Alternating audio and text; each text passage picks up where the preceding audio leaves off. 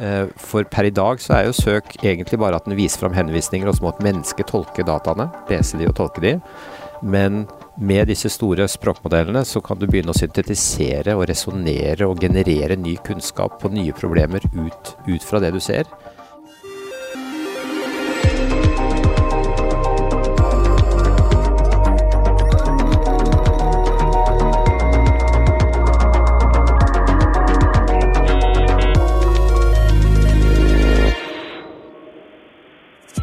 Hører på Dobbeltklikk, en podkast fra digi.no. Mitt navn er Jan Moberg, og jeg er i studio med Odd-Rikard Valmot. Hei, Jan. Hei, Odd-Rikard.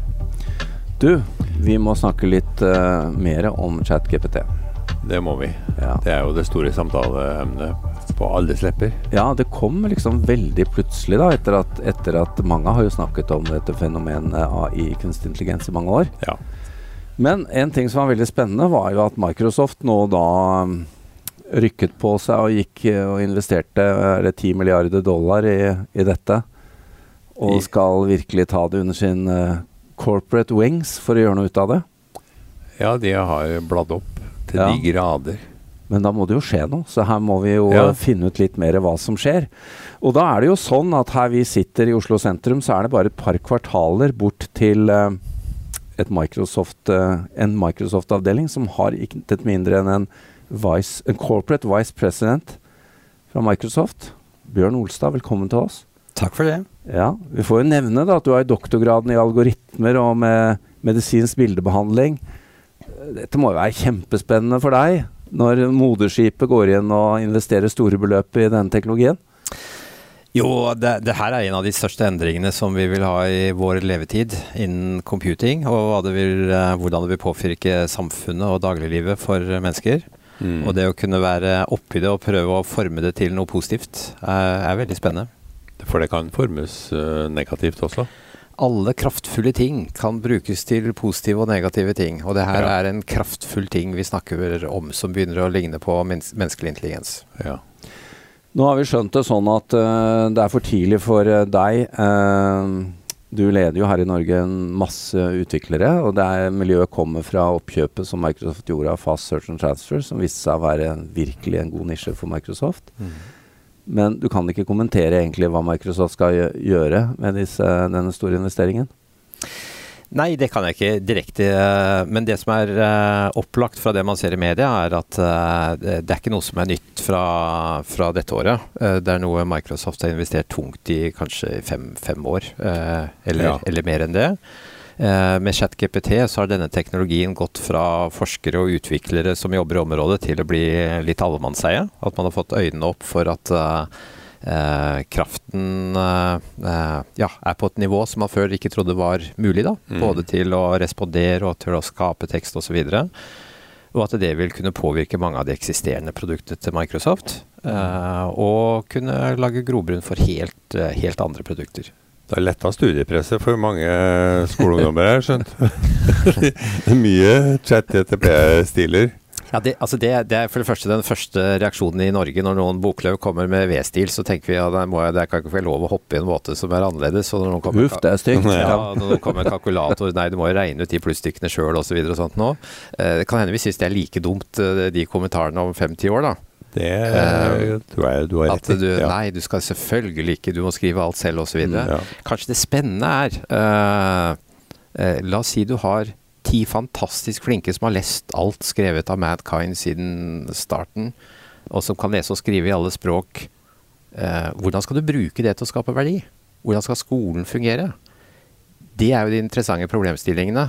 Eh, det å finne ut eh, om sønnen din har kopiert et svar fra ChatGPT, det finnes det også fin teknologi som kan finne ut, hvis det er problemet. Det er løsbart. Ja. Ja da, men det var jo typisk at uh, det ble bruduljer når det var eh, et par uh, ungdommer som klarte å slippe unna med å bruke teknologien til å levere stiler og få det godkjent av læreren.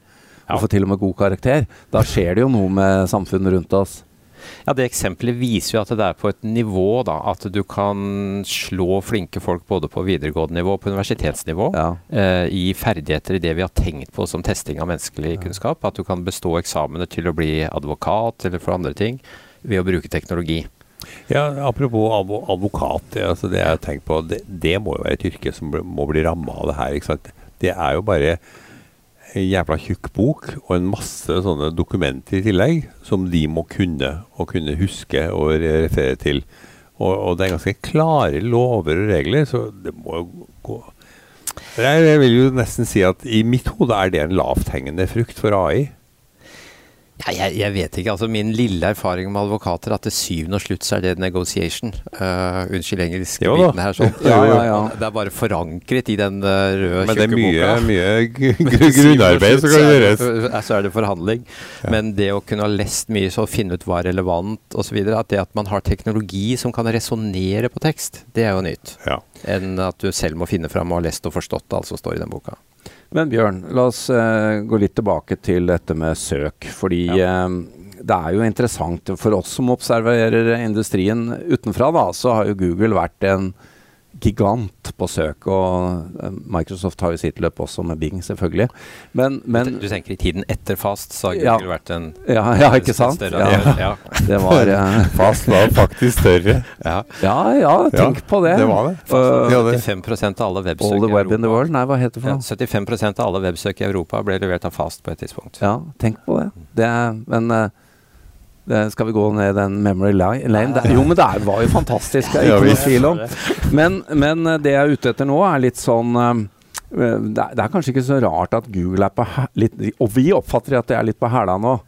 Når, eh, når Microsoft eh, putter så mye inn i AI. Og ja, søk, da. Hvordan vil det endre og påvirke søk? Altså Søk er kanskje det vi bruker mest eh, sånn generelt, alle vi som eh, Ja. er på nett. Mm.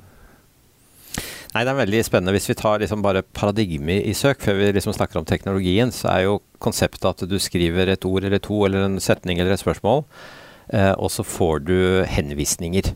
Ja, for Du du får egentlig ikke svar. Nei, du, du får blå linker nedover, ikke sant. Ja. Dette er gode ting å lese, men du må klikke på de leste og gjøre opp din egen mening om du syns det svarer på det du er på jakt etter. Og så ser du at uh, hvis du ser på Google eller på Bing eller på andre, så ser du at det har vært en utvikling at rundt det hovedmønsteret, da, så har man prøvd å skjøte inn svar, hvis det går an å svare Ja, på spørsmålet direkte. Og hvis du søker på Oslo, så får du en algoritmisk Wikipedia-artikkel omtrent på høyre side, Mm. som skjønner at Oslo er ikke bare et ord, men det er en eh, hovedstad i Norge, og så samler den informasjon omtrent som en Wikipedia-artikkel på, Ja. på den siden. Men det er likevel altså at du skriver noe, og så får du henvisninger. Og det passer jo veldig flott for advertising.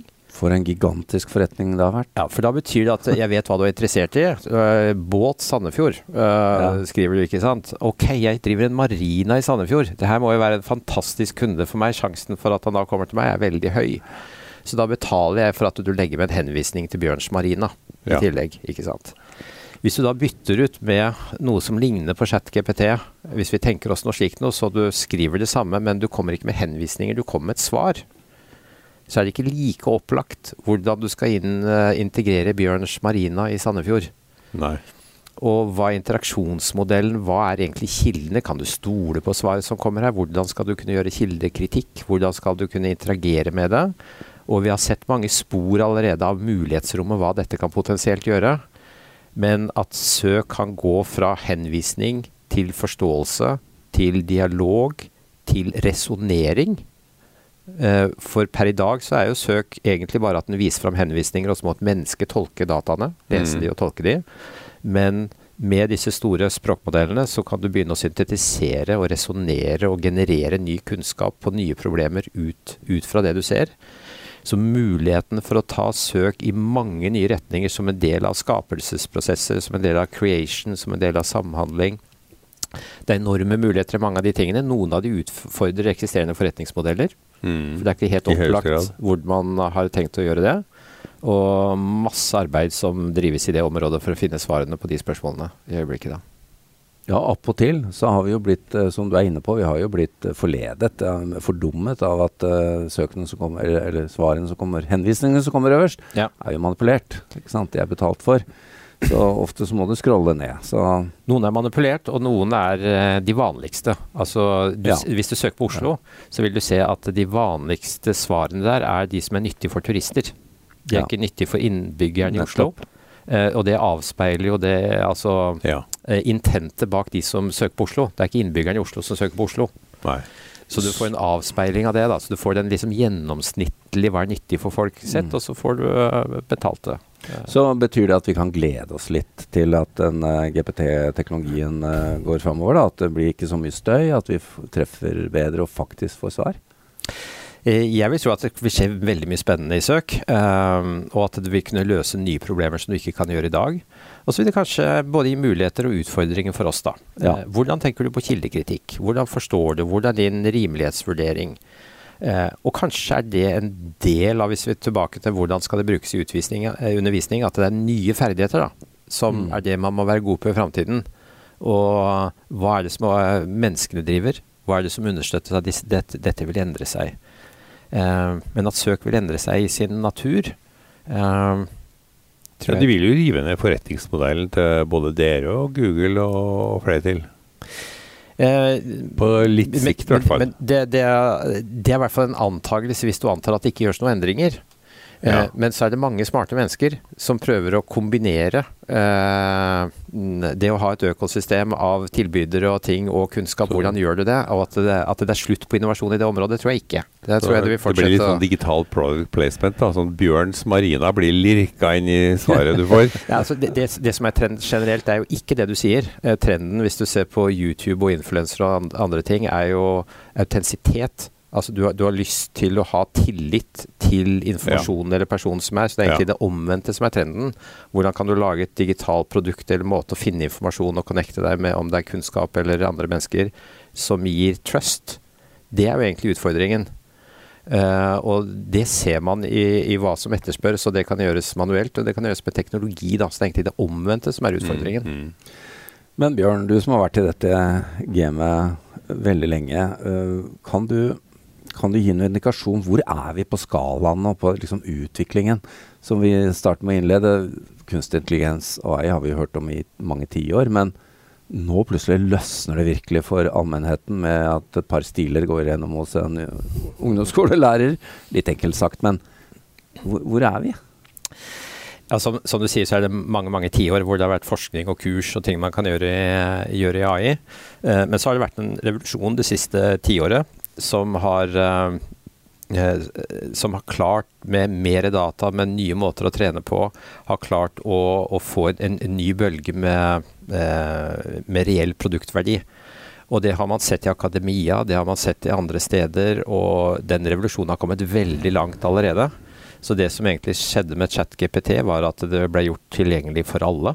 Alle har sett en posting på en TikTok eller Instagram Mm. eller et eller annet, noen som viser verdien av hva man kan gjøre, gjøre med dette, og det at du har et menneskelig interface, da.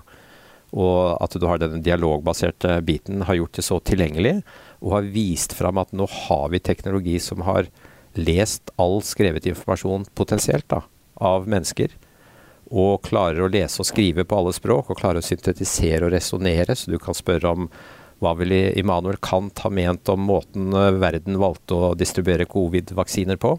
Og så får du et veldig forståelig svar, for han oppsummerer dette er prinsippene til Kant, og hvis du anvender disse, så er det to av de som helt klart vil indikere hva, som, eh, hva han ville ha ment om den tingen. Så den måten å kunne skape tekst og kunne resonnere er så kraftig at folk har blitt eh, litt overrasket av det. Fascinert, ja. Eh, Det som skjer jo er jo at det er mange selskaper, ikke bare Microsoft, mange andre selskaper som investerer store ting på å være med på denne bølgen. Eh, Det er helt sikkert enormt mange startuper som vil komme, som sier ja, hvordan bruke denne teknologien for å løse problem X. Noen, mange av de vil bomme, men mange vil lykkes. Mm.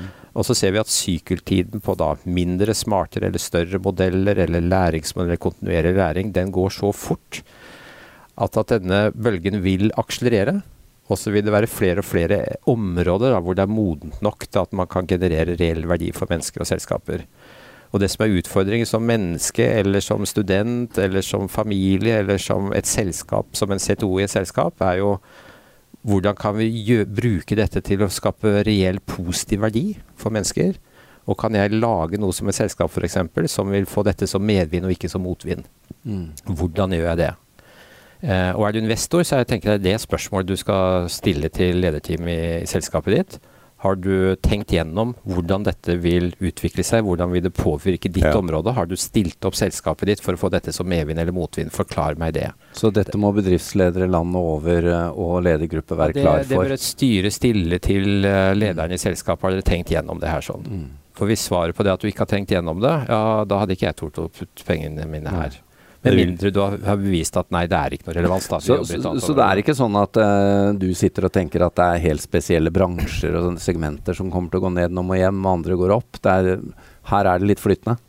det, det vil lage veldig dynamikk på type løs, uh, løsninger. Hva er f.eks. hvordan skaper du innhold? Eh, sitter du og skriver liksom starten i en artikkel til stedet nedover? Eller ber du om et utkast, og så sitter du i en iterativ prosess og justerer det med AI-teknologi som hjelper deg i den iterasjonsprosessen? Slike ting vil skje hele veien, og det vil jo da endre hva må du være god på?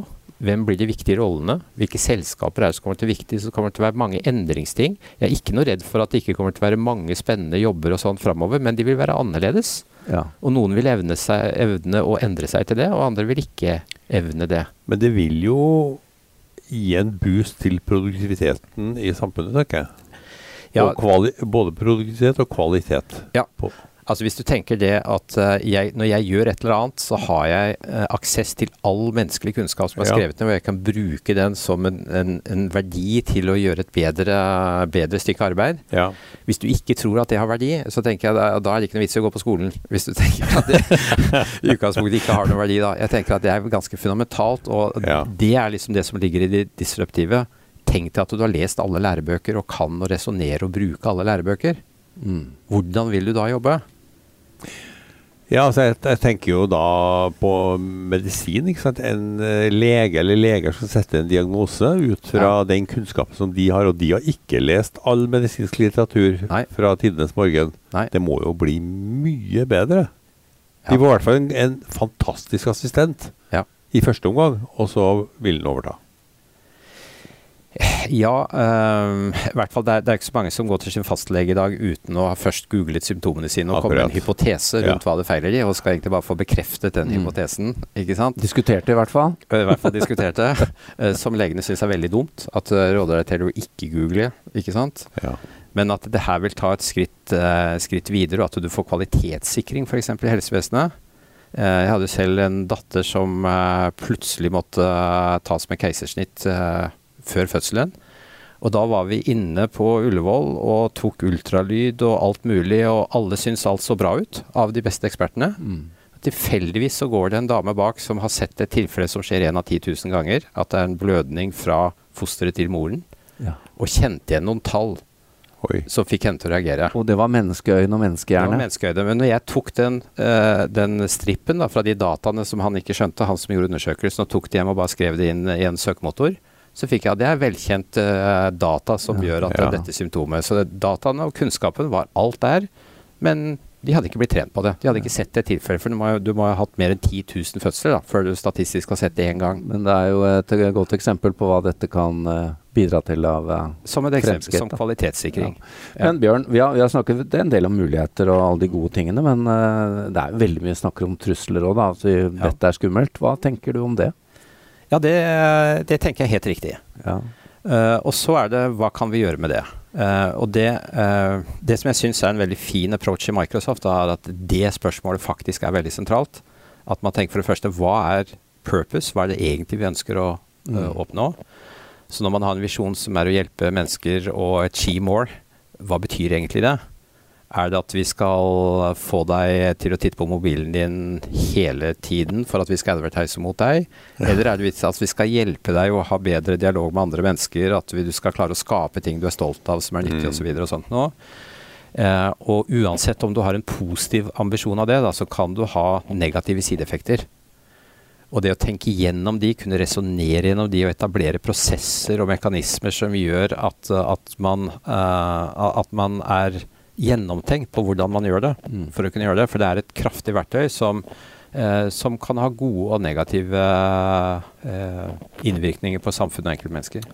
Vi har gått langt over tiden Richard, men jeg må avslutningsvis spørre deg, Bjørn. Hva kan vi forvente oss nå over de neste månedene, halvåret, året? Hva, Uten at du avslører Microsofts planer, men, men sånn, hva, hva, kan vi forvente oss her? Bing, Bing GPT. Nei, altså det, det, du kan forvente hvis du ser liksom bredere på, på, markedet, er jo at det er en voldsom interesse fra konsumere. I akademia så er det kanskje et av det, mm. det altså de forskningsområdene hvor, hvor akselerasjonen i investeringer og hvor fort ting bygger seg opp, er, kan sjelden vært høyere. Vi vet at alle store selskaper har store investeringer. Vi vet at det er en, en skog av startuper som kommer til å prøve å anvende det. Så, så, hvem som får rett og til å vinne, og vi vet at teknologistacken kommer til å endre seg til å ha dette som byggeblokkene. Du programmerer ikke ned mot datamaskinen, du programmerer mot modeller, og dermed kan gjøre mye mer abstrakte ting på til og med gjennom menneskelig, menneskelig tale og klare å beskrive det. Så selv om vi ikke vet hva som blir svarene, hva som kommer ut og hvem som vinner osv., så, videre, så vet vi at aktivitetsnivået kommer til å bli veldig stort. Og vi har sett nok spor på at dette er på eh, litt menneskelig nivå. Du har lest alle læreboker, og du kan svare på alle eksamener på et nivå som etterligner mennesker. Vi har ikke vært der før? Vi har aldri vært der Nei. før. Det er et nytt nivå. Hvis du tenker hver gang menneskeheten har klart å sirkulere kunnskap på en bedre måte, så har vi tatt store sprang i innovasjon.